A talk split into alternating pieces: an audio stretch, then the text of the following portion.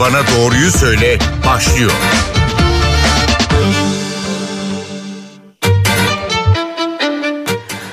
NTV Radyo'da Doktor Bana Doğruyu Söyle başladı. Ben Zeynep Gül Alp. Dünya Sağlık Örgütü'ne bağlı Uluslararası Kanser Araştırma Ajansı kanser vakalarında büyük artış olabileceği konusunda uyardı. Hasta sayısının 2050 yılına kadar 35 milyonu aşacağı da vurgulandı. Bu 2022 yılındaki vaka sayılarına kıyasla %77 oranında bir artış demek. Peki bu uyarı neden geldi? Çünkü dün 4 Şubat Dünya Kanser Günü'ydü. Bugün de kanser konusunda farkındalığı ve eğitimi artırmak için açıklamalar yapılıyor. Bu konuya dikkat çekiliyor. Biz de bugün merak ettiklerimizi tıbbi onkoloji uzmanı Profesör Doktor Özge Gümüşay'a soracağız. Hocam hoş geldiniz NTV Radyo'ya. Merhabalar, hoş bulduk. İyi yayınlar diliyorum. Teşekkür ederiz. Şimdi Uluslararası Kanser Araştırma Ajansı 2050 yılına kadar hasta sayısının %77'lik bir artış göstereceğini söylüyor. Hasta sayısı neden artacak? En büyük kaynak ne kanser hastalığında? Bize anlatır mısınız? Evet aslında dünya genelinde biz yıllık 20 milyon gibi yeni kanser vakasıyla karşı karşıya kalıyoruz ve son yapılan açıklamalara göre bu e, sayıların artacağı %77'lik bir artışla 30 milyonları bulabileceği söyleniyor. E, bunun nedenlerinden bir tanesi hala sigara kullanımına devam edilmesi, tüm kullanımının devam edilmesi. Yine alkol kullanımı bir sebep. E, obezite artık daha çok çağımızın hastalığı gibi e, daha çok sedanter yaşıyoruz. Yine egzersiz yapmamamız aslında bu riskleri arttırıyor. Beslenme şekli değişiyor. Eskisi gibi beslenmiyoruz. Birazcık daha artık daha hazır gıdaya yöneliyoruz. Bu gibi nedenler aslında e, kanserin görülme sıklığındaki beklememizin nedenleri diyebilirim. Şimdi kansere yakalanma oranlarına baktığımızda kadınlarda %39.6 erkeklerde de %41.6'lık bir oran var. Bu oran neden böyle? Kadınlarda en sık hangi kanser türü görülüyor? Erkeklerde hangisi daha sık görülüyor? Aslında biz bu oranları her sene bizim bir kanser istatistiklerimiz yayınlanıyor dünya genelinde neler bekliyoruz o. Bu bir kişide yani bir kadında hayatı boyunca kanser olma olasılığı oranları. İşte bu kadınlarda %39.6, erkeklerde %41.6. E, kadınlarda daha sık aslında kadın kanserlerinin %30'unu meme kanseri oluşturuyor. Meme kanserini çok sık görüyoruz. E, daha sonra bunu kol, e, kolorektal e, kanserler, akciğer kanserleri ve kolorektal kanserler, bağırsak kanser, kanserleri takip ediyor. Erkeklerde ise e, en sık prostat kanserini daha sık görüyoruz. Sonrasında yine ikinci sıklıkta e, akciğer kanserleri, üçüncü sıklıkta bağırsak kanserlerini görüyoruz. E, bu oranlar aslında hayatı boyunca bir insanın kanser olma olasılığı gibi söyleyebiliriz. Peki şimdi e, bir cümle var. Taramaların daha Hı. sık yapılması kanser görülme sıklığındaki artışa etkili deniliyor. Bunu olumlu mu algılamak gerek, olumsuz mu? Yanlış anlaşılmaya müsait bir cümle çünkü ne dersiniz? Evet aslında buna daha dikkatli kullanmak lazım. Taramaların daha sık yapılması ve aslında e, günümüzde rutinde olması sayesinde biz daha erken tanıyken yakalayabiliyoruz. Yine bu kanser hastalarını karşımıza çıkacak ama eğer taramaları yapmadığımız zaman daha ilerlemiş evrelerde bazen tanı koymadan hastayı kaybettiğimiz olabiliyor ya da çok ilerlediğinde kaybedebiliyoruz. Dolayısıyla aslında taramalar çok önemli bizim için. Taramayı hep ben şöyle anlatıyorum. Hiçbir semptomu olmayan, hiçbir şikayeti olmayan sağlıklı bireylerde yapmamız gereken testler. Her kanseri de tarayamıyoruz aslında. İşte meme kanserinde biliyorsunuz mamografi taramamız var. İşte rahim ağzı kanserlerinde smear örnek alma var. Ee, yine kolon kanserinde kolonoskopi taramalarımız var ama her kanseri taramıyoruz. Taramalar çok önemli çünkü hastayı biz ne kadar erken yakalarsak o kadar başarı oranımız oluyor. Kür sağlayabiliyoruz. Hastalıktan kurtulma sağlayabiliyoruz. Dolayısıyla taramalar mutlaka yapılmalı. Şimdi yani bunu... bunlar taramalar var da evet. daha sık görüyoruz değil. Sayı Hı-hı. birazcık daha daha fazla. Tabii mamografiyi taradığımız zaman daha erken yakalayıp sayıların orada bir ilk taramaların girişiyle birlikte istatistikler etkilendiği doğru. Tabii bu e, hastalığın seyir açısından da önemli aslında değil mi? Erken e, evrede Tabii bulunması. Ki. Tabii ki. Ben mesela en basitinden meme kanserinin taraması çok rutindir. 40 yaşından sonra senelik mamografi taramaları yapıyoruz. Ve meme kanserini bazen daha kansere dönüşmeden öncül hücrelerde yakalayabiliyoruz. Sadece cerrahi yetebiliyor. Bazen o kadar erken evre oluyor ki sadece tablet tedavisi cerrahiyle tedavisini sağlayabiliyoruz. Ama ne kadar geç yakalarsak yani kişinin eline kitle geldiğinde karşımıza çıktığında hasta hasta bir evreye gelmiş oluyor. O çok erken tanı olmuş olmuyor. Yani bu hep konuşuyoruz ya erken tanı hayat kurtarır. Aslında bu semptomu yok. Şikayeti olmayan kişilerde yakaladığımızda başarı oranımız. Hocam şimdi bir de son evrede olduğunu öğrenen birçok insanı duyar Hı-hı. olduk. Bunun bir nedeni var mı? Bunda pandeminin bir etkisi var mı? Neden daha önce ilk evrelerde belirti vermiyor da o belirtiler gözden mi kaçıyor? Ve ilk Hı-hı. genel sağlık durumunda hangi bozukluk olduğunda kanserden şüphelenilmeli? Hı-hı. Önce bir pandemiye parantez açmak istiyorum. Pandemi gerçekten o dönemde çok farklı bir dönemdi. Yani hastaların, kişilerin hastaneye başvuruları azaldı. Zaten bir izolasyon ortamı oluştu. Evimizde kaldık. Hastaneye girmek istemedik. E, dolayısıyla taramalar çok aksadı. Rutin tarama yaptığımız bizim de yani meme kanserlerinde çok görüyoruz. Kolon kanserinde öyle. O aralar taramalar biraz pandemi nedeniyle gecikti. Birazcık daha geç evrede hasta karşımıza geldi. Hastalıktan hastalığa da değişiyor bu. Bazı hastalıklar var. Yani birazcık daha işte hasta kilo kaybedince, şikayetleri olunca, semptom verince karşımıza gelirken bazı hastalıkları daha erken yakalayabiliyoruz. Bunu tek pandemiyle değil de aslında pandeminin evet bir gecikmesi var. Ee, belki de daha çok dillendiriliyor, daha çok duyuyoruz diyebiliriz. Peki e, şunu e, öğrenmek istiyorum. Yani acaba sinsi mi ilerliyor o son dönemdeki? Daha mı sinsi ilerliyor da bu Yok. dördüncü evrede duyuluyor? Aha. Yani o, o, o, bu dönemdeki bir şey değil o. Evre dört hastalıkların hepsi yani e, belli belli bir döneme kadar bazı hastalıklar semptom vermeyebilir. Yerleşim yerinden kaynaklanabilir, alt tipinden kaynaklanabilir. Hasta bunu çok dikkate almayabilir bazı şikayetlerini. Hani e, önemsemeyebilir, hekime başvurusu gecikebilir e, aslında bunu hani çok ben genelleyemiyorum. Daha çok hı Özgü hocam evre 4 hasta görüyorsunuz. Hı hı. Daha çok görmüyorum kendi baktığım hastalarda. Hı hı. Ama daha çok evre 4 hasta daha çok belki etrafta bu üzüntüyü paylaşabilir. Daha çok duyuyor olabiliriz. Hocam peki evreler arasında ne kadar süre geçiyor? Yani e, birinci evreden ikinci evreye, üçüncü evreye hı hı. ne kadar sürede geçiyor? Bunu da merak ettim. Her hastalığın tipine göre değişir. Şimdi, e, bir kanserin bir, bir organın kanserinin bile alt tipleri var. Bazıları çok yavaş seyirli. Yani daha hücre düzeyinden kanser oluşmasına kadar geçen süre 10 yılı bulabiliyor. Bazı hastalık ise iki tane tetkikin arasında bile yani normal kontrol tetkiklerin arasında bile hızlı büyüyebiliyor. Hem tümörün tipine hem de o hatta kendi organdakinin alt tipine göre bile e, hızlı seyri değişebiliyor. O yüzden böyle bir genellemek çok zor. İşte şu çok hızlı olur, şu daha yavaş olur. Hasta özelinde bile tümör biyolojisi değişebilir. Araya giren faktörler olabilir. E, dolayısıyla bir yıl vermek herhalde çok kolay değil. Yani kişiye göre değişiyor. Tıpkı e, kanser hastası... göre değişiyor. Hı hı. aslında hastalığın alt tipine göre değişiyor. Hı hı. Yani akciğer kanserinin alt tipine göre değişiyor. Meme kanserinin bazı alt tipleri var. Daha yavaş seyrediyor. Hormona duyarları var. Mesela üçlü negatif var daha hızlı seyrediyor. İki mamografi arasında bile çıkabiliyor. Dolayısıyla bir şeyi bunu genellemek herhalde birazcık zor. Şimdi, Kolon evet. kanseri 10 yılda oluşuyor mesela polip. Hı hı. O yüzden kolonoskopi yapabiliyoruz. Yani hı hı. o arada yakalayabiliyoruz kansere bile dönüşmeden. Evet. Şimdi teknolojinin ilerlemesiyle tedavi yöntemleriyle birlikte aslında artık daha kolay tedavi e, sonuç veriyor değil mi hocam? İstatistikler Hı-hı. ne diyor bu noktada? Şimdi teknolojinin gelişmesiyle bir kere tanıda çok yol kat ettik. Tanı almada. E, bunun yanı sıra tedavi o kadar hızlı ilerliyor, o kadar çok yeni seçenekler çıkıyor ki artık birazcık daha hasta özelinde de bir şeyler yapabiliyoruz. Hastanın tümörüne özel tedaviler yapabiliyoruz. E, ışın tedavisinde çok çok yeni cihazlar var. Radyoterapinin artık e, uygulanışı, işte onun yan etkileri daha azaldı. Bizim kemoterapilerde kemoterapi veriyoruz, akıllı ilaçlar var, immünoterapiler var. Aslında bu teknolojinin gelişmesi bizim tedavilerde de yeni yeni opsiyonlar olmasına ve hastaları daha doğru, daha iyi tedavi etmemize yardımcı oluyor.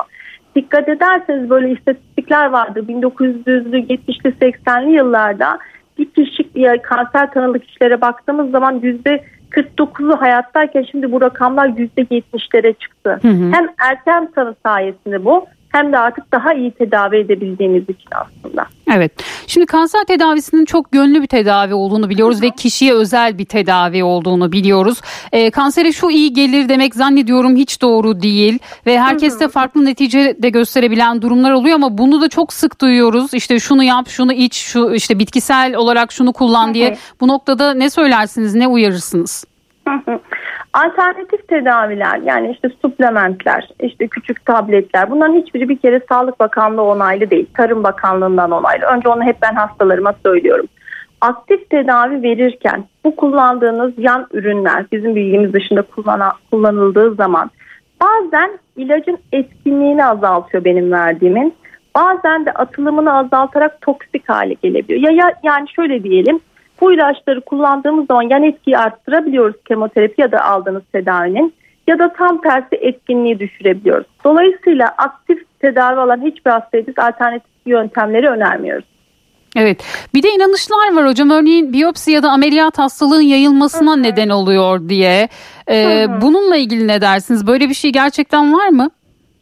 Şimdi bu evet çok e, hastaların çok korkusudur. Aman biyopsi aldırmayalım. İşte bir bıçak değerse bıçak da çok söyler. Bıçak evet, değerse evet. iğne değerse yayılır diye. E, bizim doku tanısı olmadan, tümör tanısı olduğunu görmeden yani bir kitleyle geliyor hastalar bize. Kanserinin tipini, neyden fayda gördüğünü belirlememiz mümkün değil. Dünyada hiçbir yerinde, hiçbir yayında biyopsi alınmasıyla, örnek alınmasıyla hastalığın yayıldığına dair hiçbir veri yok, data yok. Dolayısıyla aslında bu yanlış bir inanış olarak söyleyebiliriz. Evet, e, aksine biyopsinin Mutlaka de hastalığın gerekiyor. değil mi e, evresini ve ilerleyişini öğrenmek açısından evet. ayrıca önemi de var biyopsinin. Bir kere ilk soru kanser mi hasta? Birinci Hı-hı. cevap bu. Kanserse tipi ne? Üçüncüsü ne markerlar ne belirteçler var ki ben onu daha doğru tedavi edebileyim. Bize çok veri sağlıyor. Hı hı. Biyopsisiz çok alt hastalıkta vardır. Birkaç hastalığın özel görüntüsü ve tipik bulguları vardır. Onlar dışında e, tümör tedavisi yapmıyoruz. Dolayısıyla biyopsi aldırmak gerekli. Peki e, bir de tedavi sırasında her gıda yenilebilir diye bir e, anlayış var. E, bu doğru mu yoksa dikkat edilmesi gereken gıdalarda var mı? Özellikle kemoterapi sırasında hı hı. uyarılarınız olacak mı? Bizim genelde onkologlar olarak her kemoterapi başlaya, başladığımız hastaya öncesinde bir eğitim veriyoruz. Bu aslında kemoterapi alırken kişilerin nelere dikkat edeceği, ne zaman bize başvuracağı, işte özenli olması gereken kurallar diye söyleyebiliriz. Bunları anlattığımız zaman hem yan etkileri yönetmek hem de tedavi başarımız hastanın da tedaviye uyumuna çok katkı sağlıyor. Belli gıdalar yasak çünkü bunların bazı enzimlerle, ortak enzimlerle etkileşimi var. İşte söylüyoruz bunları greyfurt yasak, kırmızı kan portakalı yasak, nar yasak, nar ekşisi yasak. Alkol kullanılmaması gerekiyor tedavi alınırken gibi. Bu kuralları hastaya söylüyoruz. Bunun dışında farklı tedaviler aldığı zaman işte akıllı ilaçlar olabilir. Onların da kendi özelinde etkileşimleri olabileceği için dikkat etmemiz gereken şeyler olabiliyor. Her şeyi yiyebilir demiyoruz. Belli şeyler özellikle dikkat etmek lazım. Mesela çok asitli gıdalar ağız yaralarını arttırabiliyor. İşte bir kola içmesi gibi örnek veriyorum. Hı hı. Ya da işte e, turşu böyle birazcık baharatlı kokulu bu sefer bulantılarını arttırabiliyor. Bunları öneri şeklinde sunuyoruz. Hasta durumuna göre e, bunlara bakıyor ama belli gıdaların kullanılmasını yasaklıyoruz.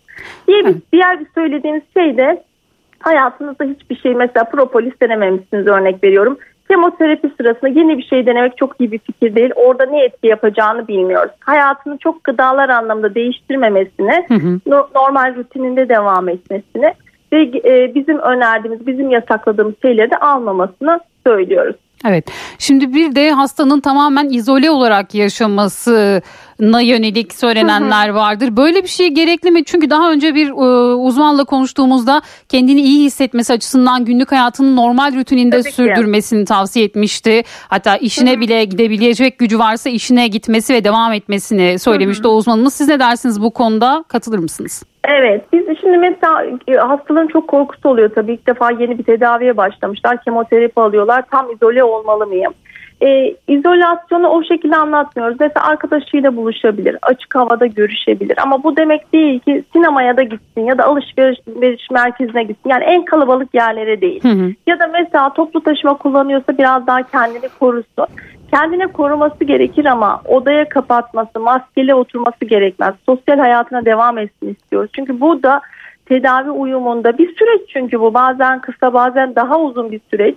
O süreç boyunca da bir arkadaşlarıyla görüşmesi, bir sevdikleriyle zaman geçirmesinin hiçbir sakıncası yok. Belli kurallar var orada da işte hani en kalabalık yerler değil e, ya da işte dışarıda birazcık çiğ gıdaları tüketirken dikkat etmesini ya da tüketmemesi gibi belli şeyleri öneriyoruz ama sosyal yaşantısının devam etmesini öneriyoruz. Evdeki kişilerle ilgili de şunu söylüyoruz. Biri hastaysa yani enfekte ise o kendini izole etsin, maskesini taksın, odasında kalsın. Çünkü hani aile içinde de e, hep hastanın kendini izole etmesi çok doğru, çok kolay bir şey değil açıkçası. Şimdi bir de kişiye özel tedaviden bahsettik hocam. Biraz bunu açalım istiyorum. Hangi kanser türlerinde kişiye özel tedavi uygulanıyor ve tanı konulduktan sonra hastanızla nasıl bir süreç geçiyor? Tedavi türünü birlikte mi seçiyorsunuz? Nasıl oluyor? Bunu da biraz anlatır mısınız? Hı hı.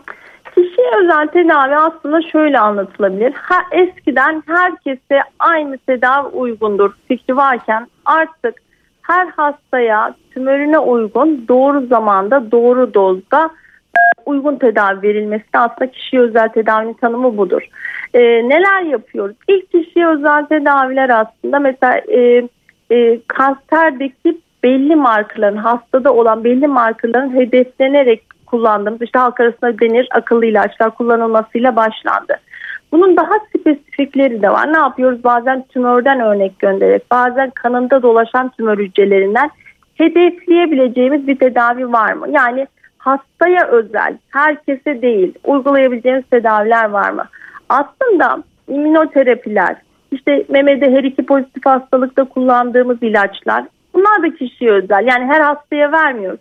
O hastanın tümöründe belli mutasyonlar, belli değişiklikler varsa onu hedeflediğimiz tüm tedavileri aslında kişiselleştirilmiş tedavi olarak düşünmek gerekir. Hocam e, genellikle e, kemoterapiden bir uzak duruş var aslında mesafeli Hı-hı. yaklaşanlar da var. Bu noktada ne dersiniz? Kemoterapiyle nasıl bir tedavi süreci oluşuyor? Radyoterapiyle nasıl oluyor ya da immünoterapiyi çok sık duyuyoruz. Bunlarda tedavi süreci nasıl değişiyor? Hı-hı. Kemoterapi kanser tedavisinde hala temel tedavi. Birçok tedaviyi akıllı ilaçlar dahil, immünoterapi dahil kemoterapiyle kombine olarak beraber veriyoruz. Kemoterapideki çekince aslında birazcık daha hani yan etkilerin çok olmasından endişe ediliyor. İşte e, hızlı bölünen tüm hücrelerde etki ediyor. İşte bu bir taş dökülmesi olarak karşımıza gelebiliyor. Bu ağızda yaralar gibi yan etkilerle karşımıza geliyor. Hastalar bunlardan çok çekiniyor. Ama artık aynı ilaçlardaki gelişmeler gibi yan etkilerde de kullandığımız ilaç seçenekleri o kadar çok arttı ki benim neredeyse hiç kusuyorum diyen hastam yok. Hafif bulantıyla neredeyse e, şey yapabiliyoruz. Tedavi devam ettirebiliyoruz, düzenleyebiliyoruz. Kemoterapideki bu korkunun nedeni birazcık daha aslında yan etkilerden. Ee, immünoterapi ve hedefe yönelik tedavilerle çoğu hastalıkta kombine şekilde hala bizim temel tedavimiz. Ondan korkmamalarını ben hastalarımıza mutlaka öneriyorum. Çünkü bütün her şey, e, bütün hastalıklarda ne, neredeyse yer yer kemoterapi kullanmamız hala devam ediyor. Hocam hangi kanser türlerinde %100 e, sonuç başarılı sonuç alınıyor? E, erken tanı olduğunu biliyoruz ama e, böyle Aha. bir kıyaslama yaparsanız hangi kanser türü dersiniz buna? Aslında pek çok kanserde erken yakaladığımızda işte kolon kanseri olabilir, meme kanseri olabilir, işte cerrahisine olur bazen sadece bazen üstüne koruyucu kemoterapisiyle e, tamamen kür olabiliyor hastalar. Çok genellememek lazım Hı-hı. ama en önemli şey erken yakalamak. Erken yakaladığımızda çok güldürücü sonuçlar. Çok daha kısa tedavilerle atlatabiliyoruz. Yani aslında toplumdaki bu kansere karşı korkunun bir nedeni de sanki herkeste bir şey oluyor. Hayır. Çok çok olumlu sonuçlar alabiliyoruz. Evet. Şu kanser iyi gidiyor, şu kanser kötü gidiyor demek mümkün değil. Her kanserde erken evrede uygun zamanda uygun tedavi verdiğimiz zaman tamamen hastalığı atlatma şansı var. Evre 4 hastalık olmadığı sürece. Yayıldığı zaman da yani vücutta başka organlara sıçradığı zaman da hep şunu söylüyorum ben tedavi edilebilir bir hastalığınız var. Yani kür değil belki orada hedefimiz ama çok uzun yıllar hastalığı tedavi edebiliyoruz, kontrol altına alabiliyoruz. Evet bu tedavi edilebilir bir hastalık olduğunu üzerinde e, çok durmak gerekiyor zannediyorum. Çünkü e, kanser teşhisi alan e, hastaların yakınlarında da bir moral düşüşü oluyor Tabii. ve bu sefer hastaları da etkiliyorlar. Onlara ne söylemek istersiniz bu noktada? burada herhalde birazcık hastanın yanında olmak, onun o duygusal destek çok önemli oluyor. Baskı yapmamak. O mesela onu hep ben söylerim hastalarıma. Niye yiyebiliyorsa. Yani çünkü yakınlarda en çok bir şeyler yapayım, yedireyim e, daha iyi olur gibi düşünüyor ama o an canı ne istiyorsa. İşte sosyalleşmesine biraz izin vermek. Dışarıdan çok şeyler iyi olmuyor. İşte benim şu hastama şu iyi gelmişti, şöyle yapmışlardı. Bu hastalara pek iyi gelmiyor bu tür konuşmalar. Evet. Sürekli konunun bu olması da her zaman iyi gelmiyor. Çünkü bir şekilde normal yaşantılarına da dönmeleri gerekiyor. Ee, onu sanırım beraberce aslında ilk tanı tabii ki herkes için şok. Süreçte hasta yakınlarının ben çok güzel yönettiğini düşünüyorum. Şimdi immünoterapi konusunda e, son araştırmalar nasıl hocam? Olumlu sonuçlanıyor hı hı. mu? Çünkü hastanelerde kemoterapi tedavisi kadar yaygın değil. Bu konuda ne dersiniz? Hı hı. İmmünoterapiyi ben hep şöyle anlatıyorum. İmmünoterapi aslında böyle bağışıklık güçlendirici hapları anlatırken de böyle anlatıyorum. C vitamini gibi şeyler değil. Bunlar da aslında hedefe yönelik tedaviler. Tümör hücresi normal hücreden çıkmış, çirkinleşmiş, yapısı bozulmuş hücreler. Normalde bağışıklığımızın bunu görüp tanıyıp onu yok etmesi gerekir mantıken ama tümör hücreleri o kadar akıllı ki üzerinde bazı işaretleri var diye anlatıyorum. Ben görünmüyor, saklanıyor. O zaman biz bu akıllı ilaçları yani immünoterapiye verdiğimiz zaman onu görünür hale getiriyoruz.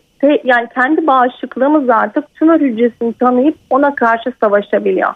Her hastalıkta değil, her evrede değil, her hastada değil. Belli hastalıklarda artık neredeyse dünya genelinde akciğer kanserinde, melanomda birçok kanserde işte e, mide kanserinde diyelim yani belli özellikleri varsa meme kanserinde immünoterapi böbrek kanserinde var kullanabiliyoruz. E, ama ne yapacağız? Belli evrede işte evre 4 mü hasta? E, işte üzerinde bazı boyalar boyanıyor mu? Çalışıyor mu? Her tümörün kendine göre bunu kullanmamızda kuralları ve e, etkinliğini gösterilmiş çalışmaları var. Ona bakarak aslında immünoterapiyi veriyoruz. Hı hı. Çok daha pahalı ilaçlar kemoterapiden. Kemoterapiyle çoğu zaman kombine veriyoruz. Ee, ama artık Türkiye'de de kullanılıyor. Ee, ülkemizde de veriyoruz diyebiliriz.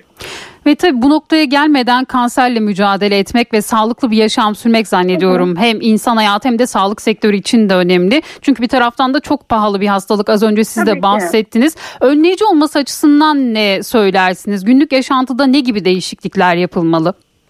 Bence öncelikle aslında bu sigara bırakılması konusu çok önemli. Birçok kanser etiyolojisinde sigara net olarak gösterilmiş alkol kullanımının kısıtlanması. Egzersizi hayatımızın bir yerine koymamız gerekiyor. Mutlaka bu yürüyüş olur, başka bir egzersiz olur, sedanter olmamak, hep televizyonun önünde oturmamak ya da hep işte sosyal medyada olmamak, biraz hareket etmek. İdeal vücut ağırlığında olmak, kilomuza birazcık dikkat etmemiz. Ee, bunun dışında belli aşılar var. Kansere karşı koruyucu olduğu gösterilmiş. İşte bu aralar çok gündemde rahim ağzı kanseri evet. için HPV aşısı çok önemli. Hepatit B için artık rutinde bütün bebekler aşılanıyor. E, karaciğer kanserine karşı sarılık aşısına hepimiz oluyoruz. E, bu yine çok önemli. Gibi aslında hayatımızda yapabileceğimiz değişikliklerle iyi bir beslenme, Akdeniz bir diyet gibi e, elimizden geldiğince sağlıklı, daha az paketli gıdalar tüketerek kendimizi bu anlamda aslında korumaya çalışabiliriz. belli şeyler var işte bu mesleki hastalıklar var. Oradaki kanserojen maruziyetini belki daha azaltabiliriz. Onunla ilgili şeylere de özenilebilir. Herhalde en önce söyleyeceğimiz bunlar. Çok teşekkür ederiz hocam programımıza katıldığınız ve sorularımızı yanıtladığınız için. Ben teşekkür ediyorum. Çok sağ olun. İyi yayınlar diliyorum. Çok teşekkür ederiz. Bugün doktor bana doğruyu söyledi. Kanseri konuştuk. Konuğumuz tıbbi onkoloji uzmanı Profesör Doktor Özge Gümüşay'dı. Haftaya farklı bir konu ve konukla tekrar bir arada olmak dileğiyle.